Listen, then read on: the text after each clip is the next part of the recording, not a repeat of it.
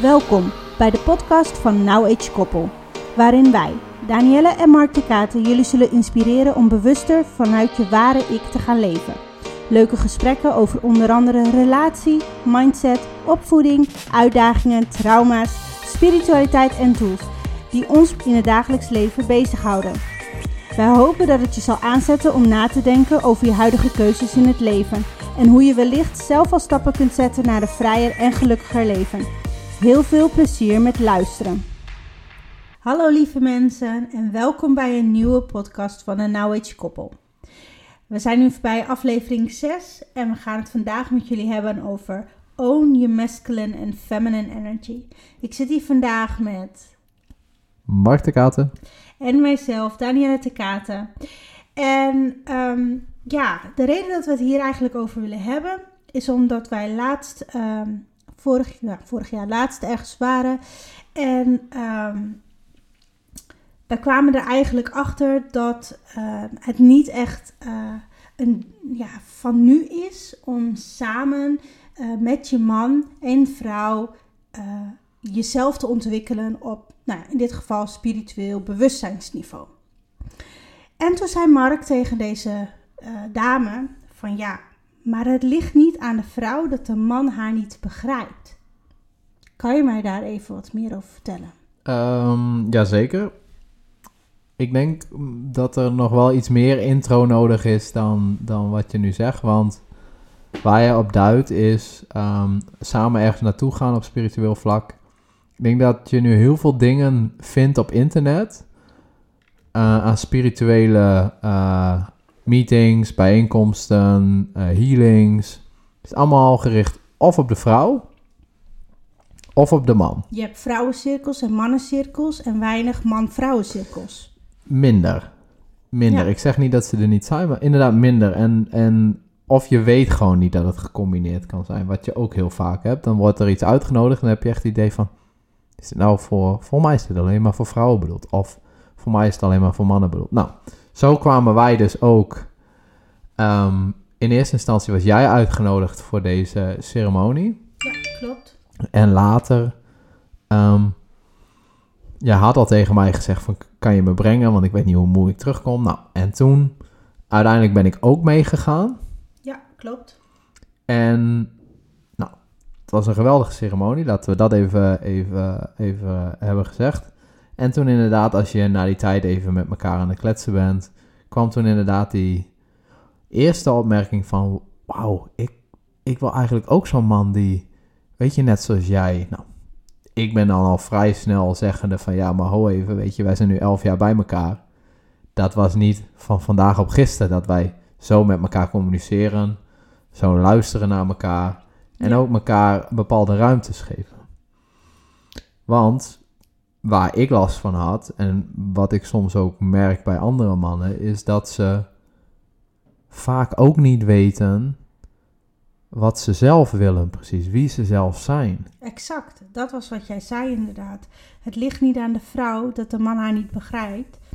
Hij begrijpt vaak zijn eigen gevoel nog niet. Nee, en, en ik denk dat dat best wel een, een, eh, een impact heeft, ook op de man zelf, als hij erkent dat hij zelf eigenlijk nog een bepaalde reis moet doormaken voordat hij dus volledig in overgave kan zijn in een bepaalde relatie. Ja, precies. Maar daar wil ik even op inhaken. Hè? Want je zegt het proces gaat daarvoor. Dat de man dat eerst bij zichzelf eigenlijk moet toestaan. Ehm, dat is dus eigenlijk hè, waar wij het ook vandaag over willen hebben. Own your masculine and feminine energy. Eh, heel veel mensen denken nu van wat is dat nou? Even kort in, eh, een introductie. Masculine en feminine energy is yin en yang. Elke persoon heeft een yin en yang. Elk persoon heeft een masculine en feminine energy. Dus masculine wil niet per se zeggen dat dat de man is in huis en de feminine de vrouw. Een man heeft ook vrouwelijke energie. Een man bestaat ook uit mannelijke en vrouwelijke energie, net als de vrouw vrouwelijke en mannelijke energie heeft. Ehm, mannelijke energie is over het algemeen wat, eh, ehm, ja, eh, wat meer aanwezig. Dat staat hè, als je bijvoorbeeld eh, heel gedreven bent in je werk, ehm, je hebt doorzettingsvermogen, daadkracht. Het zijn allemaal mannelijke vormen van mannelijke energie. Feminine energie is zorg dragen voor, liefdevol zijn, et cetera. Dat is een hele zachte energie. Even om je een beeld te geven. Terugkomend op Mark. Lieve schat. Um, omdat, hè, om even terug te komen op jou, toen wij net in onze relatie zaten, waar bevond jij je het meest? Is dat jouw masculine energy of jouw feminine energy? Uh, mijn masculine. En hoe heeft dat zich geuit bij jou? In onze relatie bedoel je? Ja, kan, kun je mensen even meenemen in die journey, hoe jij dit bij jezelf ook, uh, ja, Jazeker. Kijk, voor mij, um, de reden dat ik nu zeg dat is masculine energy. Ik was um, zeker uh, degene die altijd voor jou uh, wilde zorgen. En dan zorgen in de zin voor degene die jou wilde beschermen. Ik denk dat dat het goede, goede woord is. En daarmee nam ik die rol ook op. Sorry? Daar bedoel je echt mee van mij overal heen brengen. Uh, op de fiets, als ik s'avonds uh, naar de spoedeisende hulp moest, dan ging jij fietsen en ik achterop.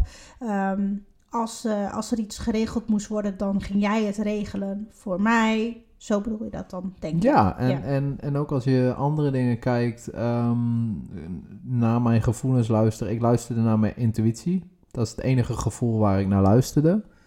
Dat is feminine energy. Ja, maar dat is ook mannelijk.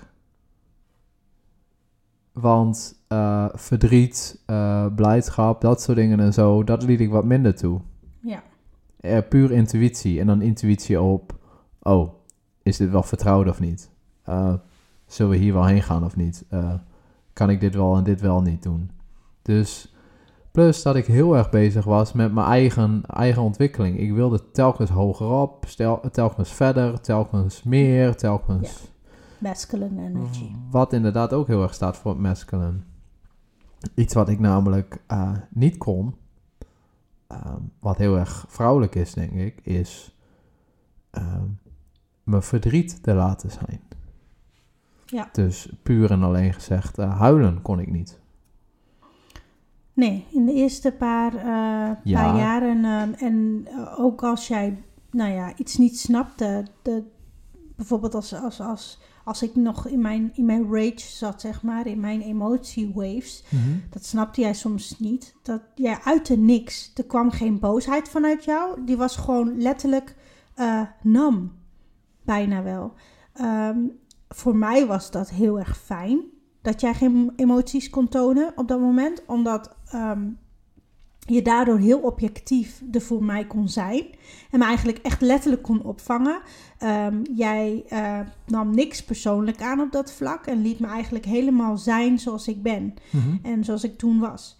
Maar voor jou weet je, iemand mag best ook wel af en toe van zich afbijten. Je mag jezelf ook best, je hoeft jezelf niet elke keer aan de kant geschoven.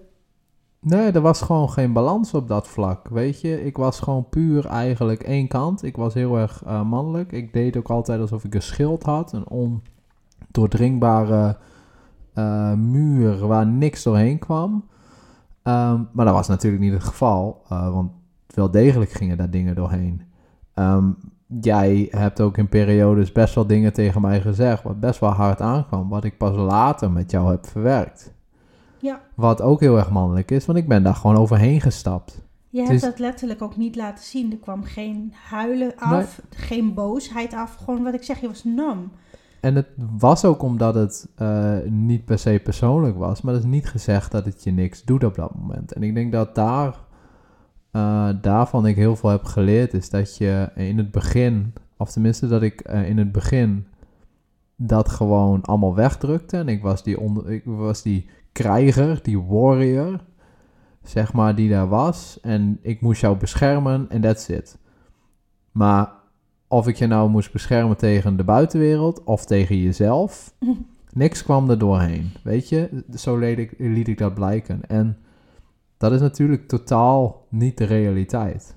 En wanneer is dit veranderd? Want wanneer heb je echt een beetje open durven stellen naar je emoties? Hoe is, dat, hoe is die ontwikkeling gegaan en waarom is die ontwikkeling zo gekomen? Nou, ik denk dat dat, dat ehm, niet zozeer toen Mout is geboren, want toen was ik ook nog heel erg eh, in mijn mannelijke energie. Uh, vrij snel de, de, nadat Mout is geboren, is de, ben jij toen in therapie gegaan. Toen zat ik ook nog heel erg in mijn, in mijn mannelijke en masculine energie. Omdat ik toen echt anderhalf jaar op automatische piloot echt ben gegaan. Gewoon puur en alleen beschermen, zorgen voor. Uh, eigenlijk die standaard. Alle ballen omhoog houden. Eigenlijk die stereotype mannelijke taken die helemaal niet meer reëel zijn nu. Maar dat, dat deed ik toen en dat was ook prima. Maar toen jij uit therapie kwam en toen eigenlijk uh, daarmee klaar was, toen ben jij eigenlijk de trigger geweest door met mij bepaalde vragen te stellen. Um, weet je, dan zaten we op de bank en dan zat je met mij en en dan vroeg je gewoon aan mij van, Mark, ja, hoe voel je je eigenlijk hierbij? Dat ik echt zoiets dacht van, hè? Maar waar heb je het eigenlijk over? En misschien kreeg je op dat moment niet gelijk antwoord, maar jij had al een beetje door dat je moest doorpeuteren in dat kleine gaatje wat er was. Want die wond eigenlijk, noem het nou een gaatje, maar dat was gewoon een wond die daar gewoon aan het etteren was. En die moest gewoon leeg. Maar anders, nee, maar anders krijg je gewoon een ontsteking. Gewoon letterlijk zoals het fysiek werkt, zo werkt het ook met je geest en je energie. Ja, dat denk ik En- ook wel. Door dus gewoon simpele vragen te stellen, maar ook niet op te geven als je geen reactie krijgt, maar gewoon blijven volhouden, creëerde je eigenlijk eh, de mogelijkheid dat bij mij er wat meer balans kwam tussen mijn masculine en mijn, fe- eh, eh, mijn feminine energie. Ja. Ik kan nou niet direct zeggen van, oh, dat is dit punt geweest.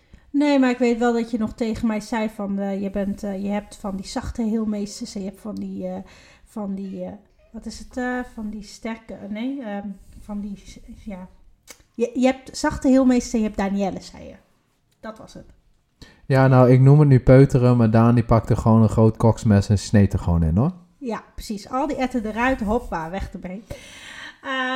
Ja, ja, ik geef inderdaad niet op. Maar ik doe het niet, eh, nou ja, soms wel met een boze stem, maar meestal met, met een vrij directe, zachte stem.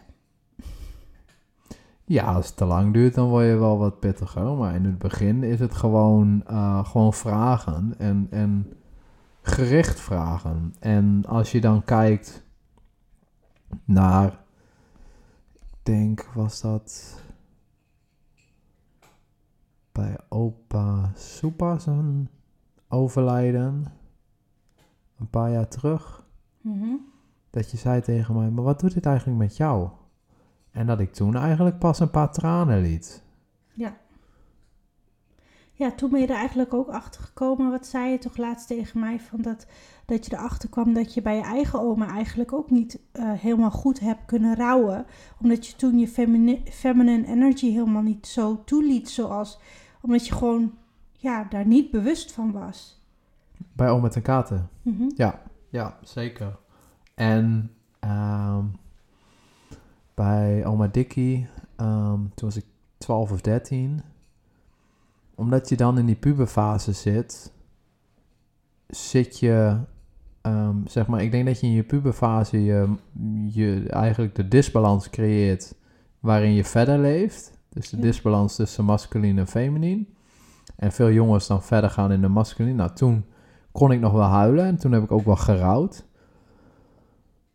Maar oma, oma met een kaart is, toen wa- was ik 23, Ja, toen waren wij net 23. samen. Ehm, en daarin ja, was ik eigenlijk al zo gevormd dat ik dat gewoon geblokkeerd had. Ja, ja, ja. Toen ik jou net leerde kennen, had je inderdaad je emoties geblokkeerd. Ik kwam uit een, eh, een relatie en dat had jou pijn gedaan. Ehm, er waren zo andere dingen gebeurd die ook pijn hebben gedaan op dat moment. Ik denk dat je een soort van in een soort overlevingsmodus bent gegaan en er eigenlijk tot met het mout is geboren er niet uit bent gekomen. En ja, ja ik, ik, herinner me wel, ja, inderdaad, dat jij zei tegen mij van uh, toen jij uit therapie kwam, dat was voor mij een trigger. En ook het moment dat ik inzag van hé, hey, sommige dingen kunnen anders. Ja. En, en kijk, ik ben, tenminste voor mezelf, als ik kijk, leef ik nog steeds meer volgens masculine energie dan um, feminine energie. Ik denk dat er, um, omdat ik een man ben, dat dat toch meer uh, vertrouwd is voor mij om, om meer ja. masculien te zijn dan feminien. Maar ik kan ook heel erg uh, mijn vrouwelijke kant nu ja. erkennen en er laten zijn. En dat, daar die bewustwording voor mij creëert ook heel veel rust in mijn hoofd. Van oké, het is nu ook even goed om die emoties er lekker te laten zijn. Wat ik als vrouwelijk zie. Ja, zeker. Als feminien. Maar ook gewoon jouw zorgkant. Ik denk dat inderdaad jouw, uh, als je jezelf een beetje kan splitsen. Ik denk dat als ik naar jou kijk, ik zou jou um, een verdeling geven van ongeveer 60-40. Misschien zelfs 55-45. Um, dat, en dan is de overhand natuurlijk masculine.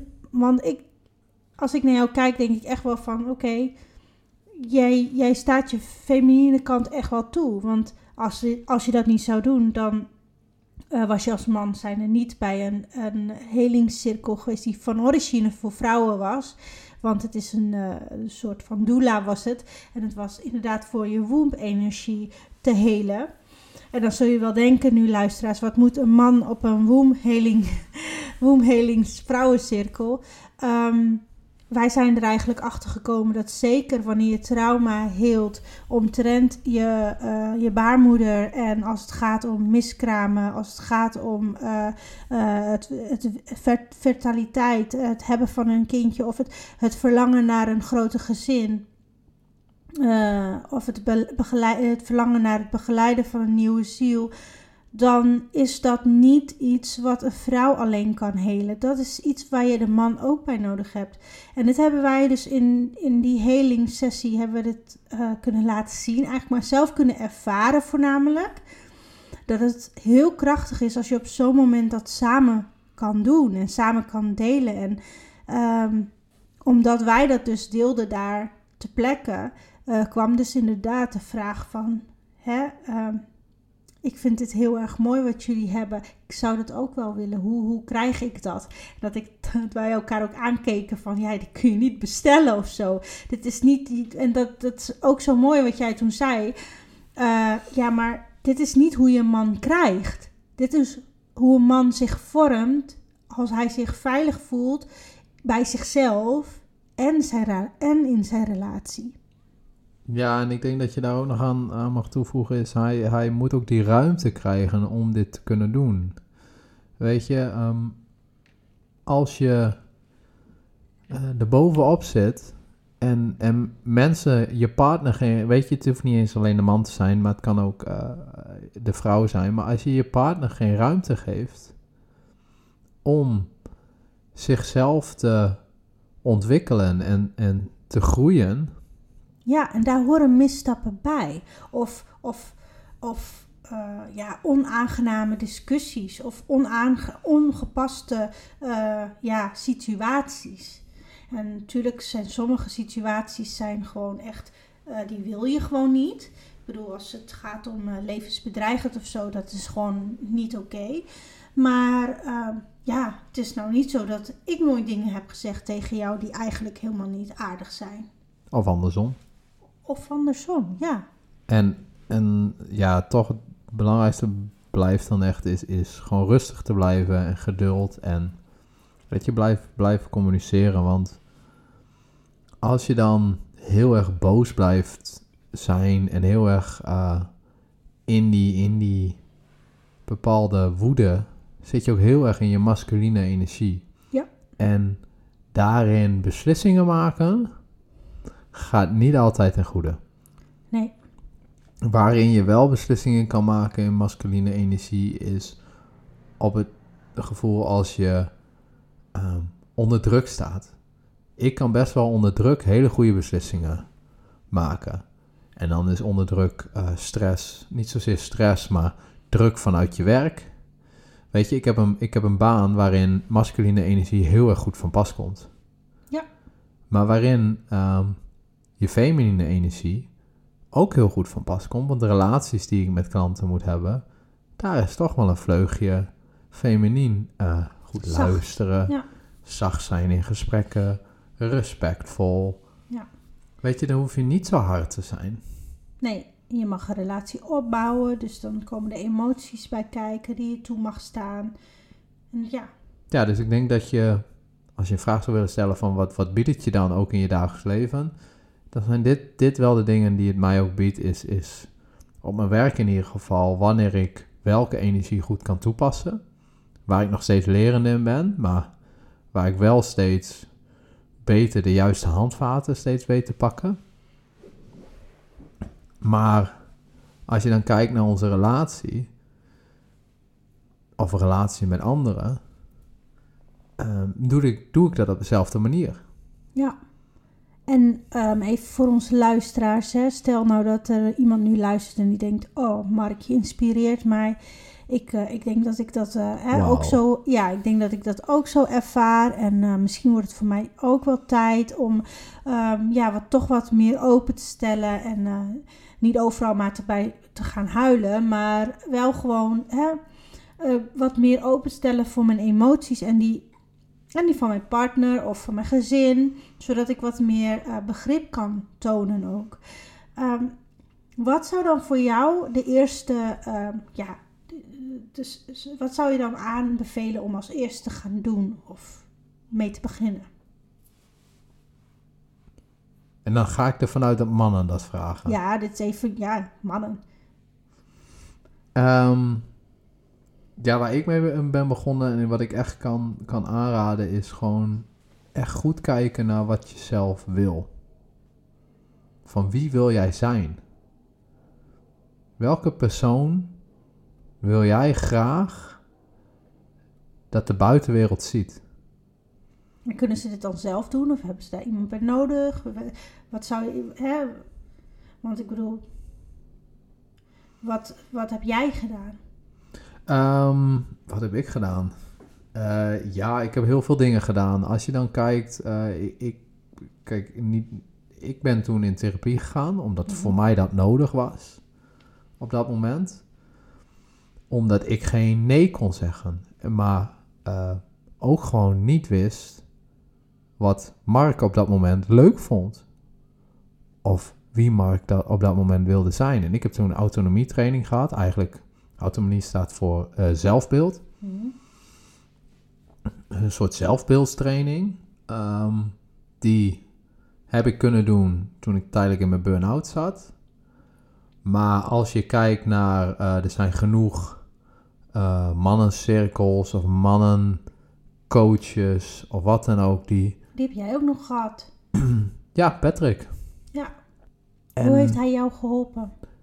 Hoe heeft mij, hij, wat Patrick mij eigenlijk heel erg, eh, een van de dingen die hij mij echt heeft bijgeleerd is, is het,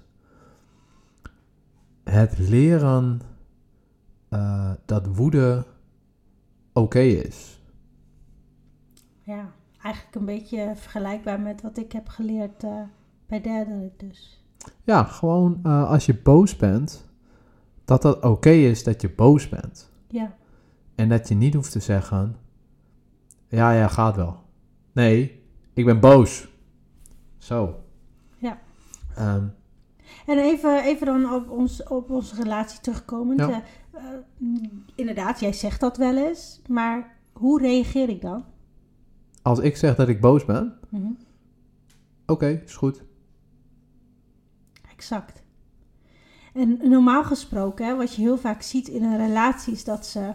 Heel stoïcijns trouwens, maar dat is ja, nee, ja, maar dat ze in een relatie dan niet zeggen ik ben boos. Nee, ze doen boos. Dus ze gaan schreeuwen, ze Deuren gaan... slaan, stampvoetend, Ja. rondlopen. Dus ze laten hun emotie zien in plaats van de vertaling naar woorden. En wat dus dan gebeurt, is dat mensen daar geen begrip voor kunnen krijgen. Want zij voelen die trilling van jouw boosheid, maar begrijpen niet waarom jij boos bent. En waar het dan ineens vandaan komt. Terwijl als jij gewoon uit in woorden, ik ben boos, en dan wordt er vaak wel eens gevraagd van, oh, is er een reden voor? Dan is het antwoord ja of nee. Is het ja, misschien wil je het uitleggen, misschien niet. Is het nee, dan is het gewoon einde discussie. Iemand, laat iemand dan ook gewoon maar even boos zijn. En inderdaad, wat jij zegt, dan zeg ik oké. En dan ga ik door met de orde van de dag. Ja, ik voel de trilling wel. Ja, dat is niet heel prettig. Maar ja, dat is een emotie, gaat wel weer voorbij. En vaak na een paar minuutjes is het ook voorbij. Terwijl als ik daarop zou reageren, wat je heel vaak ziet, hè, dat mensen hebben dan, en dan ga je daarop reageren, dan wordt het veel groter dan dat. En dan ga je op een gegeven moment dingen uitkramen die je eigenlijk wil, niet wil zeggen. Omdat je eigenlijk wil zeggen, mens, hou gewoon je smoel. Laat me gewoon even in mijn ding. Laat me gewoon even in mijn boosheid. Bemoei je er niet mee. Dat is eigenlijk wat de ander wil zeggen, maar niet zegt. Mhm. Klopt. En uh, kijk, ik kan met jou dit soort dingen doen. Ik heb een paar vrienden waar ik dat ook mee kan doen. Niet veel, maar een paar is gewoon genoeg. Dat je gewoon even kan zeggen: Ik voel me gewoon echt even K. Ik voel me gewoon echt even min. En uh, ik ben nog steeds lerende om dit op mijn werk te doen. Want dat vind ik soms wel lastig. Maar ik leer dat steeds meer en meer. Dat als een collega vraagt van... Hey, eh, Mark, alles goed? Nee. Nee, het gaat niet goed. Want zus en zus en zo. En dat kan ik nog niet bij iedereen. Maar dat vind ik namelijk ook wel een dingetje. Is alles moet maar gewoon goed zijn. Ja, dat is, de, dat is het antwoord van, van, van vandaag de dag, toch? Dat was, was, uh, dat was een hype. hey, hoe gaat het? Ja, het gaat goed als je zegt het gaat slecht, dan houdt het gesprek ook op, want dat willen ze eigenlijk helemaal niet horen. Nee, maar dat is heel erg masculin om telkens maar te zeggen van het gaat wel goed. Weet je, dat is die muur die ik dan opzet. Alles gaat goed en niks kan mij iets doen. Dat is heel erg, heel erg masculin. Heel erg zeggende, ik kan dit allemaal aan. Terwijl dat vrouwen best wel vaak tegen elkaar zeggen... Tenminste, ja, ja. Dat, dat denk ik dan. Oh ja, nee, ik voel me echt niet zo lekker, want ik ben zus en zo. Of, uh... Ja, dat mag soms wel een tandje minder. Maar... Dat is dan weer... Nee, maar dat is dan weer de andere kant. En ik denk dat je daar heel erg goed um, weer aan, aankaart, is dat um, de balans tussen de twee echt belangrijk is. En, want je kan wel zeggen van, er zijn ook, misschien dwaal ik een beetje af, maar Ehm, als je dan kijkt naar, uh, weet je, je hebt uh, die feministengroepen en dat soort dingen en zo. En die zijn dan heel erg feministisch, vrouwen dit, vrouwen mhm. dat. Uh, ik ben voor vrouwenrechten en al dat soort dingen. Maar eigenlijk de energie die ze uitstralen is heel erg mannelijk. Is heel masculine, yep. Ja. En omdat ze, ze willen iets en ze staan ergens voor en dit is wat er juist is. Dat is heel erg mannelijk. Heel erg masculine energie. En ja, ik begin daar dan een beetje. Ik, ik vind het zelfs best wel een beetje uh, grappig, want het is heel erg contradictief. Weet je, dat is heel erg tegenstrijdig. Van, ja. uh, dan zie je daar een vrouw die echt vecht voor haar rechten. Wat gewoon mannelijke energie is wat ze uitstraalt. Ja, maar vaak zie je het ook terug in hun uitingen en hoe ze zichzelf profileren. Ten, ja, en tentoonstellen, wil ik zeggen, hoe ze zichzelf uh, kleden. Ja. Um, en ja, dat vind ik heel erg, heel erg uh, mooi om te zien. En daarentegen, soms heb je dan, uh, ja, ik vind, uh, het is een bekende oud sportcommentator die daar wel eens een keer een documentaire over gemaakt heeft, over Mart Smeets, over huilende sporters. Huilen, huilende mannelijke sporters. En ja, dat, ja, dan zeggen ze vaak van, nou, dat, oh, daar heb je weer zo'n acteur. Nou ja, weet je, of, weet je zo'n mietje of weet ik veel wat. Maar dat, dat is weer het tegenovergestelde. Want dat zijn mannen die heel erg in een feminine energie zitten op dat moment. Ja, mogen ze niet even balen als ze een wedstrijd hebben verloren? Nou, vaak is dat als ze winnen of in historisch iets of weet ik veel wat. En dan... Ja. Mogen ze even? Ja, tuurlijk. Ja. Tuurlijk, dat mag er allemaal zijn. En uh, uh, het een is niet fout of het andere is goed. Maar wat ik merk in deze maatschappij is dat ehm, we heel moeilijk in het midden kunnen leven. Dus die balans. Mhm. En dat we heel makkelijk naar die uiterste gaan. Ja, het is altijd het een of het ander. En dat vind ik dus zo mooi. Ehm, en het is zo grappig, want je zegt eh, we leven eh, niet in het midden, dus niet in dat middenste boxje, maar buiten dat boxje. Normaal gesproken, als je buiten een boxje leeft, leef je out of je comfortzone. Maar in dit geval moeten we dus uit, uit onze comfortzone om vervolgens in dat boxje, weet je wel, in die middencentrum te komen van balans. Ja, en dat is niet makkelijk, want dat, dat, het is makkelijker om volledig één kant op te slaan. Ja, En, maar het geeft je minder. Ja, want dan ga je van de ene uiterste, dus de ene comfortzone, in de andere comfortzone. Maar ga je dus niet uit je comfortzone. Want uit je comfortzone is iets doen wat je nooit hebt gedaan. En dat is dus de balans zoeken tussen allebei. Want wat, wat hebben we eigenlijk altijd geleerd sinds dat we jong zijn? Je kan niet best of both worlds hebben. Dat bestaat niet. Nou, hoeveel mensen hebben al laten zien dat dat gewoon kan? Zeker. Weet je, dat dat niet bestaat voor jou, wil niet zeggen dat het niet bestaat. En dit kan misschien hard aankomen als je luistert en denkt, nou, Danielle mag wel tandje minder. Nee, laat het je aan, het, aanzetten tot denken. Als dit jou juist triggert, dat jij denkt, nou, ik ben het hier niet mee eens. Ga dan maar eens even op onderzoek uit waarom. Waarom jij dan nog niet Best of Both Worlds hebt gecreëerd bij jezelf. Want het kan echt. Ja. Ik ben ook een zakenvrouw. Ik ben een liefdevolle volle moeder en een liefdevolle vrouw. We hebben heel veel gezinstijd samen en tegelijkertijd ben jij heel erg druk bezig met je werk en ben je gewoon weg.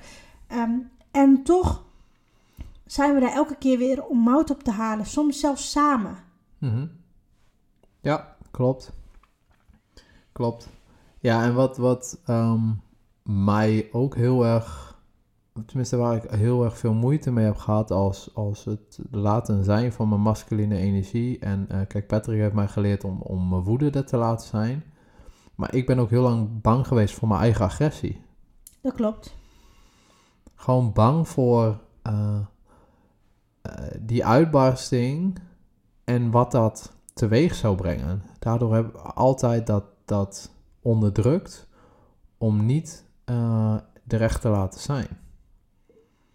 En ik heb dat pas eh, mezelf aangeleerd toen ik ben gaan boksen.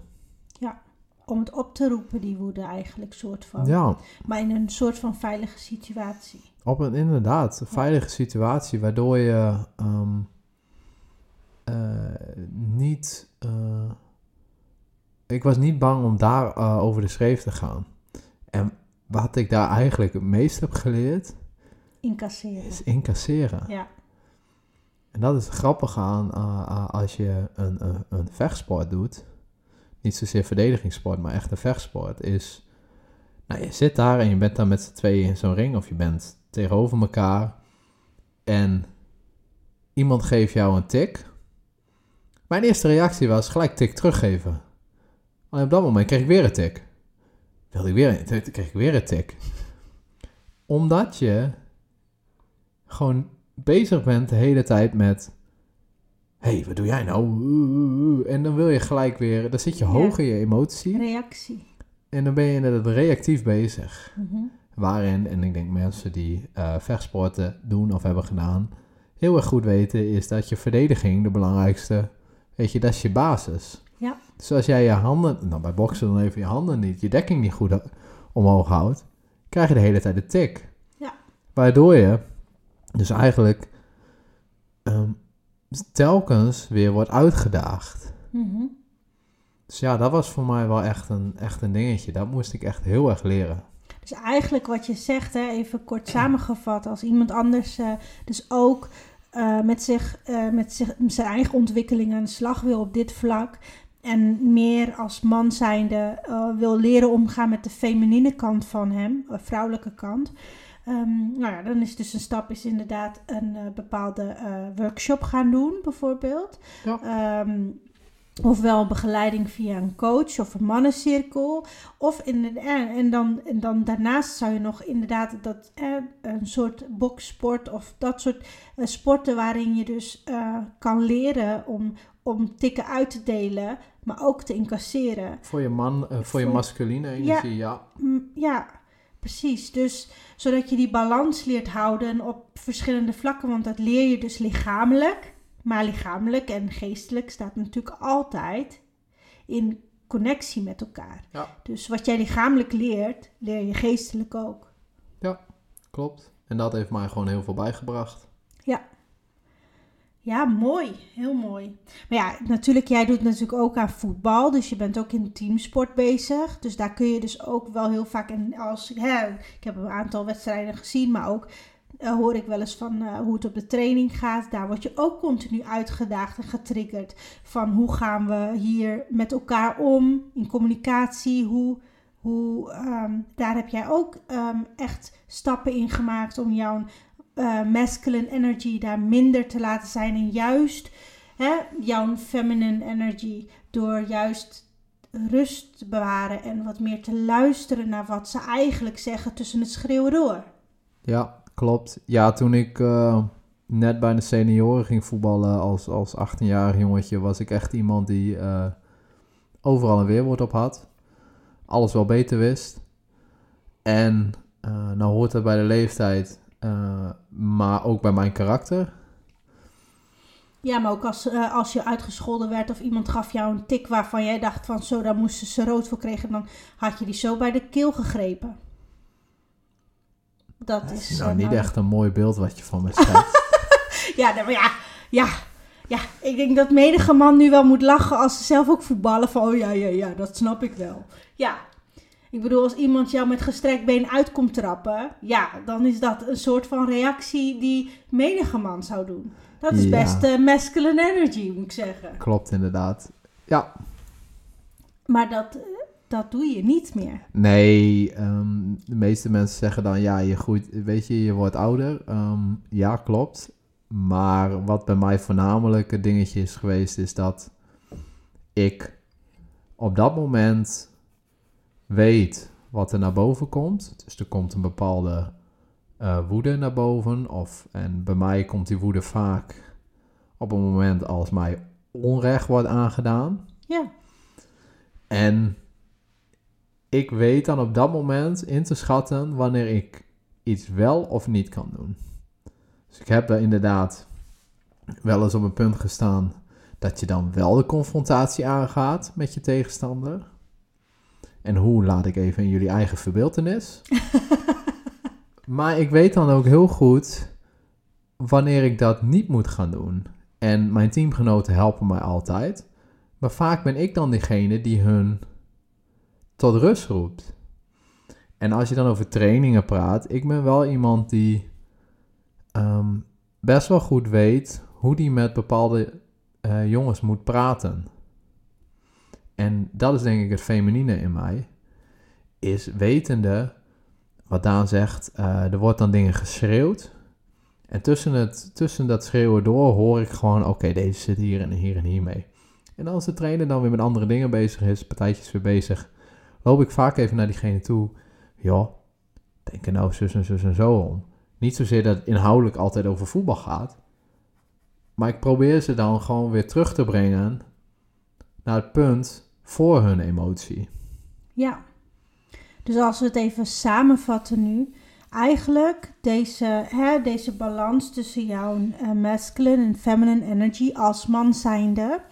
eh, sinds je daar meer balans in hebt gevonden, heeft het jou dus heel veel gebracht. Niet alleen maar op thuisfront, niet alleen maar op je werkfront, maar ook in je, eh, in, bij je hobby's en met vrienden, in je relaties. Ja, eigenlijk op elk vlak van mijn leven. Ja, op elk vlak van jouw leven. En denk het beste hoe je dat nu kan omschrijven is dat ik weet, zeg maar, ehm, ik fiets nu en ik weet gewoon nu tijdens het fietsen bij welke hobbel ik welk handvat moet gebruiken.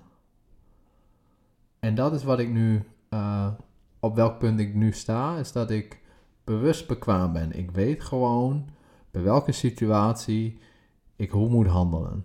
En Mhm. ik denk dat dat voor 90% goed gaat. Ja, nou ja, je hebt altijd uitschieters daar gelaten. Ik Anders bedoel- leer ik ook niet meer. Nou.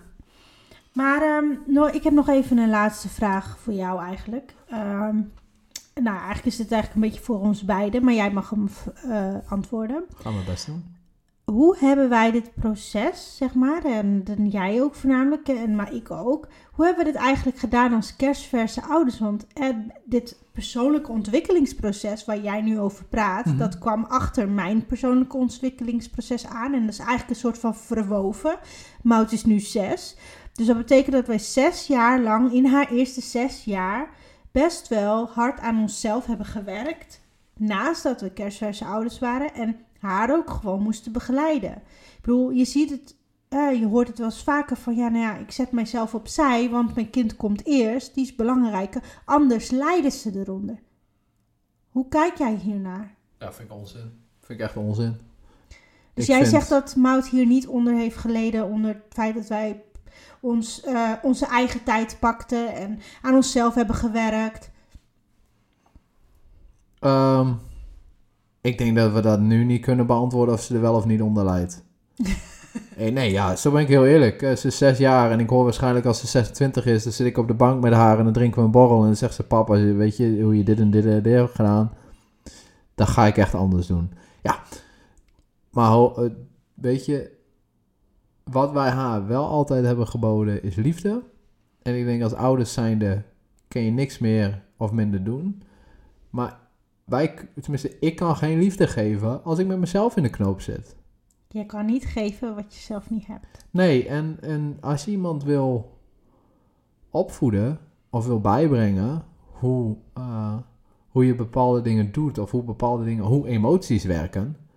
Nou, dan heb je zo'n heb je zo'n mooi boekje waarbij staat: dit is boos, dit is verdrietig, dit is blijdschap, dit is dit, Ja. dit is dat. Maar als je zelf niet eens, weet, niet eens boosheid toelaat, dan kun je wel het boekje voorlezen. Maar als, dan zo'n klein peutertje van, eh, van drie jaar zegt maar, maar papa, hoe voelt dat dan? Ja. Ja. ja, dan ben je boos. Ja, maar hoe is dat dan? Ja, en leg dat maar dan eens uit. En als je dan zegt, ja nou, dan voel ik iets opkomen, vaak via mijn buik. En dan word ik een beetje warm. En dan gaat, ga ik eh, sneller ademen. En dan gaat mijn hart sneller kloppen. Dan voel ik me eh, ehm, eigenlijk in een, in een hoekje gedreven. En dan wil ik er weg. En dan word ik ongeduldig. En dan word ik boos. Dan snapt ze het pas. En natuurlijk heeft ze het ook een paar keer zelf in lijf meegemaakt. Dat ik bijvoorbeeld heel erg verdrietig was, omdat we, nou, mijn opa is overleden. Ehm, dat zij ook vroeg van, eh, wat is er met mama? Eh, wat is er aan de hand? En dat jij zei van, er is niks aan de hand, lieverd. Mama is gewoon verdrietig, want opa is er niet meer.